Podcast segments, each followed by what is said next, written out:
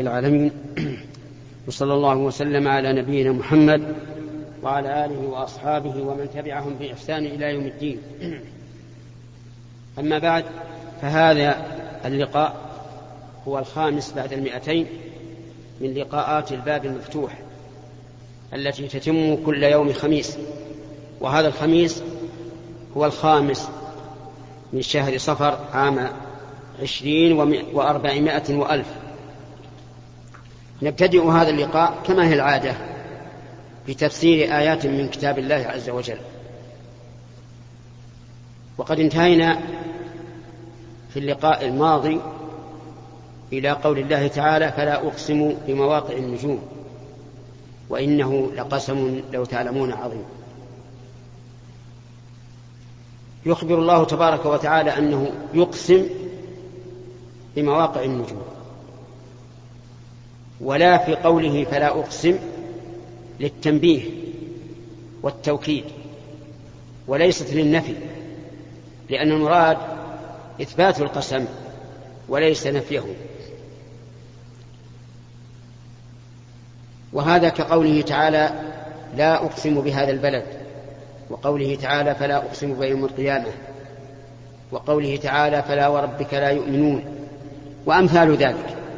يؤتى بلا في صورة النفي ولكن المراد بذلك التوكيد والتنبيه.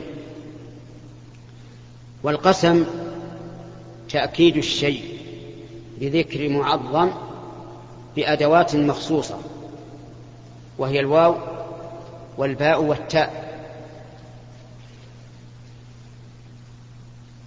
وقوله بمواقع النجوم اختلف فيها العلماء رحمهم الله. فمنهم من قال إن المراد بذلك أوقات نزول القرآن لأن القرآن نزل مفرقا والشيء المفرق يسمى منجما كما يقال في الدين المقسط على سنوات أو أشهر أشهر يقال إنه دين منجم. وقيل المراد بمواقع النجوم مواقع الطلوع والغروب لأن مواقع غروبها إيذان بالنهار ومواقع طلوعها إيذان بالليل. وتعاقب الليل والنهار من آيات الله العظيمة الكبيرة من من آيات الله العظيمة. التي لا يقدر عليها إلا الله عز وجل. فيكون الله تبارك وتعالى أقسم بما يدل على إقبال الليل وإدباره. وقيل المراد بمواقع النجوم الأنواء وكانوا في الجاهلية يعظمونها حتى إنهم يقولون إن المطر ينزل بالنوء ويقولون مطرنا بنوء كذا وكذا. والمهم أن الله تعالى أقسم بمواقع النجوم على أمر من أعظم الأمور. وهو قوله إنه لقرآن كريم. لكن الله بين عظم هذا القسم قبل أن يبين المقسم به. نعم قبل أن يبين المقسم عليه. فقال وإنه لقسم عظيم. وأتى بالجملة الاعتراضية في قوله لو تعلمون إشارة إلى أنه يجب أن نتفطن لهذا القسم وعظمته. حتى نكون ذوي علم به. وإنه لقسم لو تعلمون عظيم. إنه لقرآن كريم. أي إن الذي نزل على محمد صلى الله عليه وسلم لقرآن كريم. والكرم يراد به الحسن والبهاء والجمال كما في قول النبي صلى الله عليه وعلى آله وسلم لمعاذ بن جبل حين بعثه إلى اليمن وأمره أن يبين للناس أن أن عليهم زكاة في أموالهم. قال إياك وكرائم أموالهم. كرائم جمع كريمة والمراد بها الشاة الحسنة الجميلة. وهو كريم عن القرآن كريم في ثوابه فالحرف في حسنة والحسنة بعشر أمثالها. وهو كريم في آثاره على القلوب وصلاحها فإن قراءة القرآن تلين القلوب وتوجب الخشوع لله عز وجل. وكريم في آثاره بدعوة الناس إلى إلى إلى شريعة الله. كما قال تعالى فلا تطع المكذبين وجاهدهم به فلا تطع الكافرين وجاهدهم به جهادا كبيرا. فالمهم أن القرآن كريم بكل معنى الكرم. إنه لقرآن كريم في كتاب مكنون لا يمسه إلا المطهرون. اختلف العلماء في الكتاب المكنون فقيل إنه اللوح المحفوظ. لقوله تعالى بل هو قرآن مجيد في لوح محفوظ. وقيل المراد به الكتب التي بأيدي الملائكة كما قال تعالى فمن شاء ذكره في صحف مكرمة مرفوعة مطهرة بأيدي سفرة كرام بررة. وهذا القول رجحه ابن القيم رحمه الله في كتابه التبيان في أقسام القرآن. إن المراد به الصحف التي بأيدي الملائكة. وأكثر المفسرين على أن المراد به اللوح المحفوظ. لا يمسه أي لا يمس هذا الكتاب المكنون إلا المطهرون وهم الملائكة. طهرهم الله تعالى من الشرك والمعاصي ولهذا لا تقع من الملائكة معصية بل هم ممتثلون لأمر الله قائمون به على ما أراد الله. تنزيل من رب العالمين. وقبل أن نفوت الآية التي قبلها ذهب بعض المفسرين إلى قول غريب وقال المراد بقوله لا يمسه إلا المطهرون أي لا يمس القرآن إلا طاهر. ولكن هذا قول ضعيف لا تدل عليه الآية. لأنه لو كان المراد ذلك لقال إلا المطهرون يعني المتطهرين. ولكنه قال المطهرون أي من قبل الله عز وجل. فهذا القول ضعيف ولولا أنه يوجد في بعض التفاسير التي بأيدي الناس ما تعرضنا له لأنه لا قيمة له. والصواب أن المراد بذلك الملائكة. فإن قلنا أن المراد بالكتاب المكنون الصحف التي بأيديهم فواضح في قوله لا يمسه إلا المطهرون. وإذا قيل المراد به اللوح المحفوظ فكذلك. المطهرون قد يمسونه بأمر الله عز وجل وقد لا يمسونه.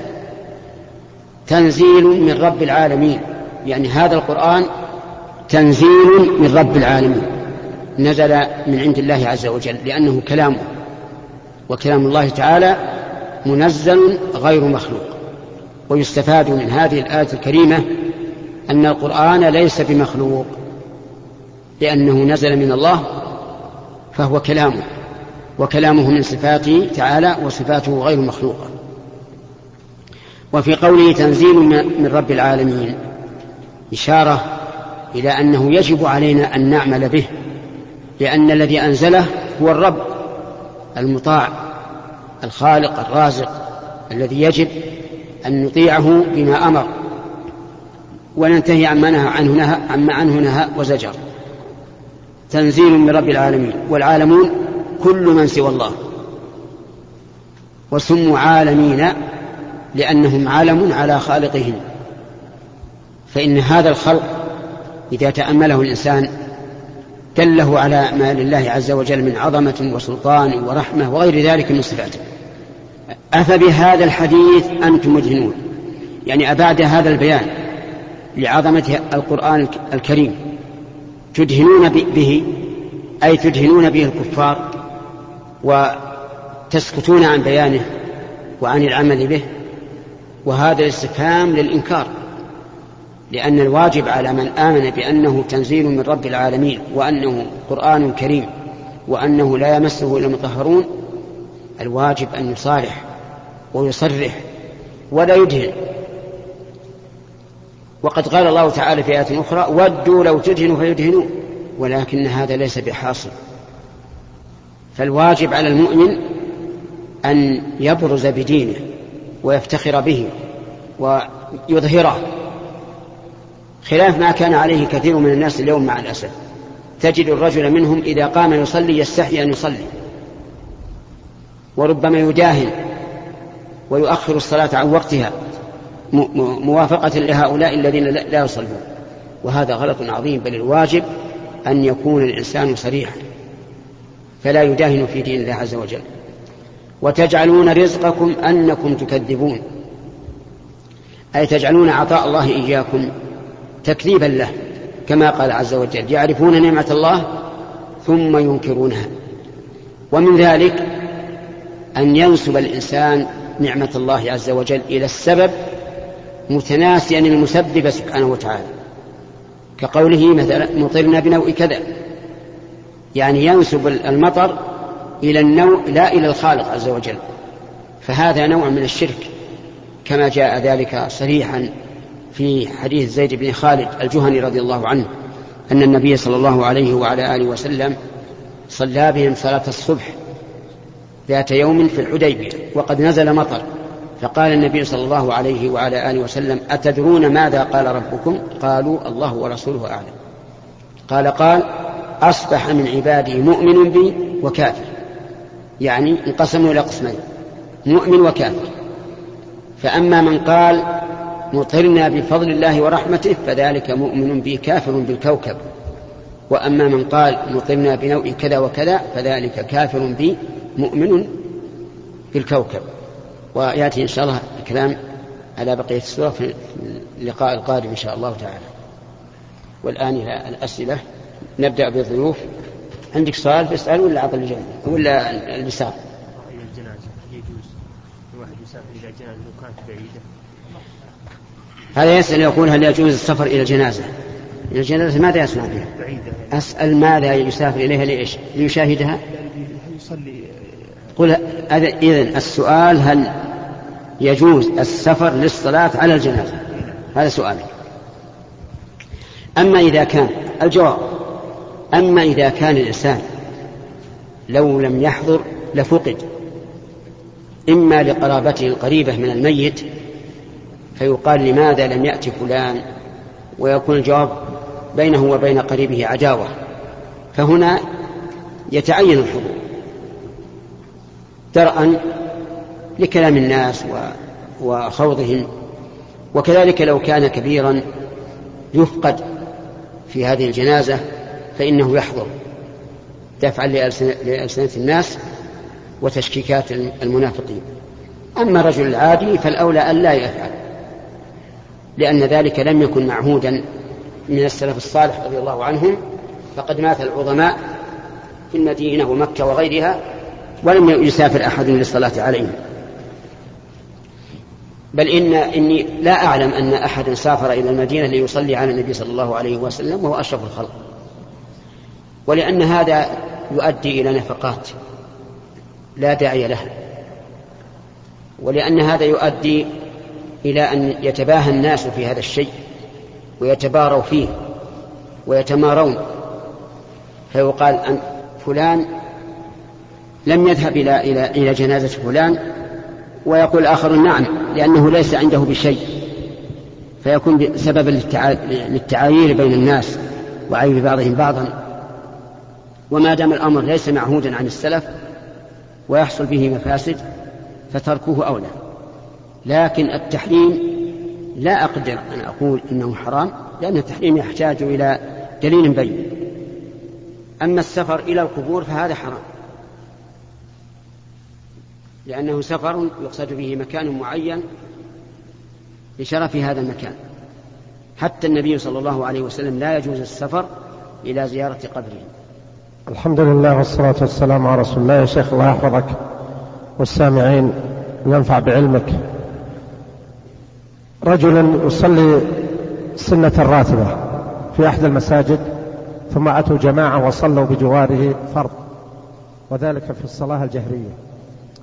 ثم أخطأ الإمام بإحدى الصور. ما موقف هذا الشخص الذي هو في السنة الراتبة؟ هل يرد عليه ولا لا؟ ثم إنه سلم من سنته الراتبة وشرع بعد أن سلم هذا من السنة الراتبة وانتهى منها شرع الجماعة اللي يصلون في الصورة الثانية ثم أخطأ في نفس العملية. فما موقفه؟ وهو يصلي وبعد أن انتهى من الصلاة. هل يرد عليه ولا يتركه نعم إذا كان الخطأ يغير المعنى فالواجب أن يرد عليه. لأنه لا يجوز إقرار أحد على خطأ في كتاب الله عز وجل. وإن كان لا يغير المعنى فلا فلا يلزمه. ولكن لما انتهى من من الراتبة لم أفهم من السؤال أنه دخل معهم فهل دخل معهم أو إن هذه الراتبة هي بعدية؟ طيب. الجواب كما سمعت. سماحة الواحد يشهد الله على محبتكم في الله. هناك امرأة كانت من خيرة النساء دينا وخلقا حيث تعلمت من أجل كتاب الله عز وجل وبعد أن بلغت الخمسين أصابها مرض. الخوف الشديد بحيث أنها تتخيل أشياء لا تحصل بالواقع حتى أصبحت أنها تخاف من الوضوء ولا تتوضأ إنما تعطر بالتراب. هل يصح لها ذلك؟ وأحيانا تؤخر وقت الصلاة عن وقتها. فما رأي فضيلتكم بهذه الحال بحال هذه المرأة؟ أولا أحبك الله الذي أحببتنا فيه وجعلنا وإياكم من أحباب الله. هذه المرأة لا شك أن الذي أصابها مرض ولا يحل لها أن تتيمم مع قدرتها على استعمال والواجب أن تصبر وتصابر. وتضغط على نفسها حتى تصلي بالماء. لأن هذا الذي يصيبها عند الوضوء بالماء ربما يكون من الشيطان حتى يمنعها من من فعل الواجب.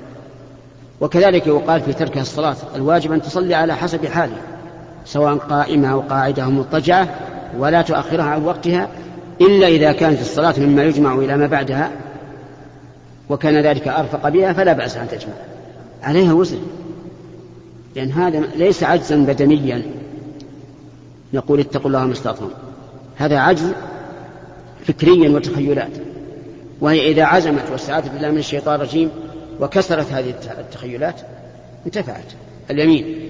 نحن أبناك يا شيخ من حفر الباطن. أتينا نعزيكم ونعزي أنفسنا في سماحة الوالد الشيخ عبد العزيز رحمه الله. السؤال يا شيخ آه، جمعية من الجمعيات الخيرية يأتيها بعض المساعدات ومن ضمن هذه المساعدات ملابس صالحة للاستخدام لكن في بعض هذه الملابس مخالفات شرعية كعباءة الكتف أو العباءة الفرنسية كما يسمونها أو بعض الثياب التي لها فتحة من الأمام والخلف فهل يجوز يا شيخ إيصال هذه الملابس بشكلها المذكور للمحتاجين أو أو إتلافها يا شيخ؟ أقول أعظم الله أجر الجميع بفقد الشيخ عبد العزيز بن باز رحمه الله ونسأل الله تعالى أن يجعل في خلفه خيرا. أما بالنسبة لهذه الملابس فإن كان يمكن تعديلها حتى تكون صالحة لللبس فهذا طيب. ويجب في هذه الحال أن تعدل إلى الوجه السليم الشرعي ثم يتصدق بها.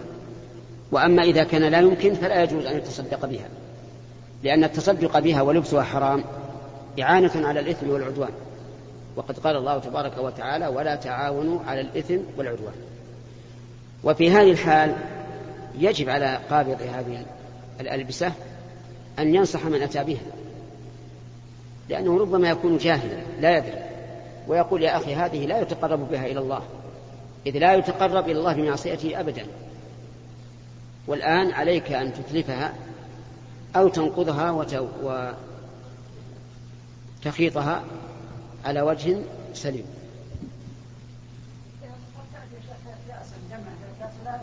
الحمد لله إذا جاءت بأكياس مغلفة وأنت لا تدري من الذي جاء بها فأعمل بها كما ذكرت.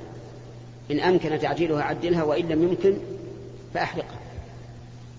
بسم الله وحده والصلاة والسلام على من لا نبي بعده. اللهم صل وسلم. أشهد الله على محبتك في الله. يا شيخ محمد. حبك الله الذي أحببتنا فيه. ومن أبنائكم من أهل منطقة الرياض. أتينا لزيارتكم الله يحفظك. الله يحييك. والسؤال الله يجزيك. والسؤال في زكاة الذهب الله يحفظك القول الصحيح. يعني في الحلي ولا في الذهب مطلقا؟ في الذهب. في الذهب مطلقا. الذهب مطلق اي نعم. الذهب مطلقا ما في إشكال انه ان أن فيه الزكاة بإجماع المسلمين. كالدنانير والتبر وقطع الذهب هذه ما فيها إشكال. فيها زكاة على كل حال سواء أدى الإنسان للتجارة أو آه، للقنية الخلاف في الحلي. المباح. والعلماء اختلفوا فيه على عدة أقوال. أرجحها وجوب الزكاة مطلقا إذا بلغ النصاب. فإذا كان عند امرأة أسورة وخواتم وخروص تبلغ النصاب وهو خمسة وثمانون جراما وجب عليها زكاته كل عام. تقدر قيمته عند أهل الخبرة والمعرفة بقيمة الذهب وتخرج ربع العشر. سواء كان هذا أكثر مما اشترته به أو أقل. فمثلا إذا كان اشترت هذا الذهب الحلي بعشرة آلاف وعند تمام الحول صار يساوي خمسة. فالواجب زكاة خمسة فقط. وإذا اشترته بخمسة وصار عند تمام الحول يساوي عشرة فالواجب زكاة عشرة. بسم الله والصلاة والسلام على أشرف الأنبياء والمرسلين. فضيلة الشيخ السلام عليكم ورحمة الله وبركاته. نشهد الله سبحانه وتعالى على محبتكم ومحبة الأخوان في الله سبحانه وتعالى. يا فضيلة الشيخ تزوجت امرأة آه، طبعا الثانية منذ ما يقارب أربع سنوات. وقبل الزواج طبعا العادات عندنا التقاليد لا يسمحون أن تراها وكذا. إيش؟ ولكن إيش؟ أقول عندنا في في العادات في القبيلة لا يسمحون برؤية الزوجة نعم. البنت التي تتزوجها نعم. آه، في صباح اليوم التالي بعد ليلة الدخلة لاحظت أم البنت أن البنت غير طبيعية. ها؟ لاحظت أم البنت أن ابنتها غير طبيعية. نعم. أنا ما أعرف من عاداتها شيء. ها؟ أنا لا أعرف من عادات البنت هذه شيء. فقالت أمها أن البنت آه، ليس طبيعية في في عقلها وكذا. استمرت على هذه الحالة تقريبا سنة عندي أعالجها. ذهبت بها المستشفيات والى المشايخ أقرأ عليها ولكن لم تتحسن حالتها. لم؟ تتحسن حالتها يا شيخ. نعم. آه، بعثتها إلى أهلها. وبعد تقريبا سنة أرسلت ورقة الطلاق ذهبت إلى القاضي فقلت يا شيخ أنا أريد أن أطلق زوجتي مريضة لا أستفيد منها. فقال القاضي طلقة واحدة قلت لا بل ثلاث. إيش؟ قال القاضي طلقة واحدة. نعم. فقلت له ثلاث طلقات. عندما طلقتها يعني جتني أخبار من عند اهلها ان البنت الآن أصبحت طبيعية يعني ما عاد فيها شيء. هل يجوز مراجعة هذه المرأة أو لا يا شيخ؟ اولا بارك الله فيك سؤال القاضي. هل هي ثلاث أو واحدة؟ غلط عظيم. وخطأ. وقلة بصيرة منه. فلماذا يسأل؟ هل واحدة أو ثلاث؟ الواجب أن يكتب الطلاق طلق زوجته فلانة ويسكت. اقلب الشريط من فضلك.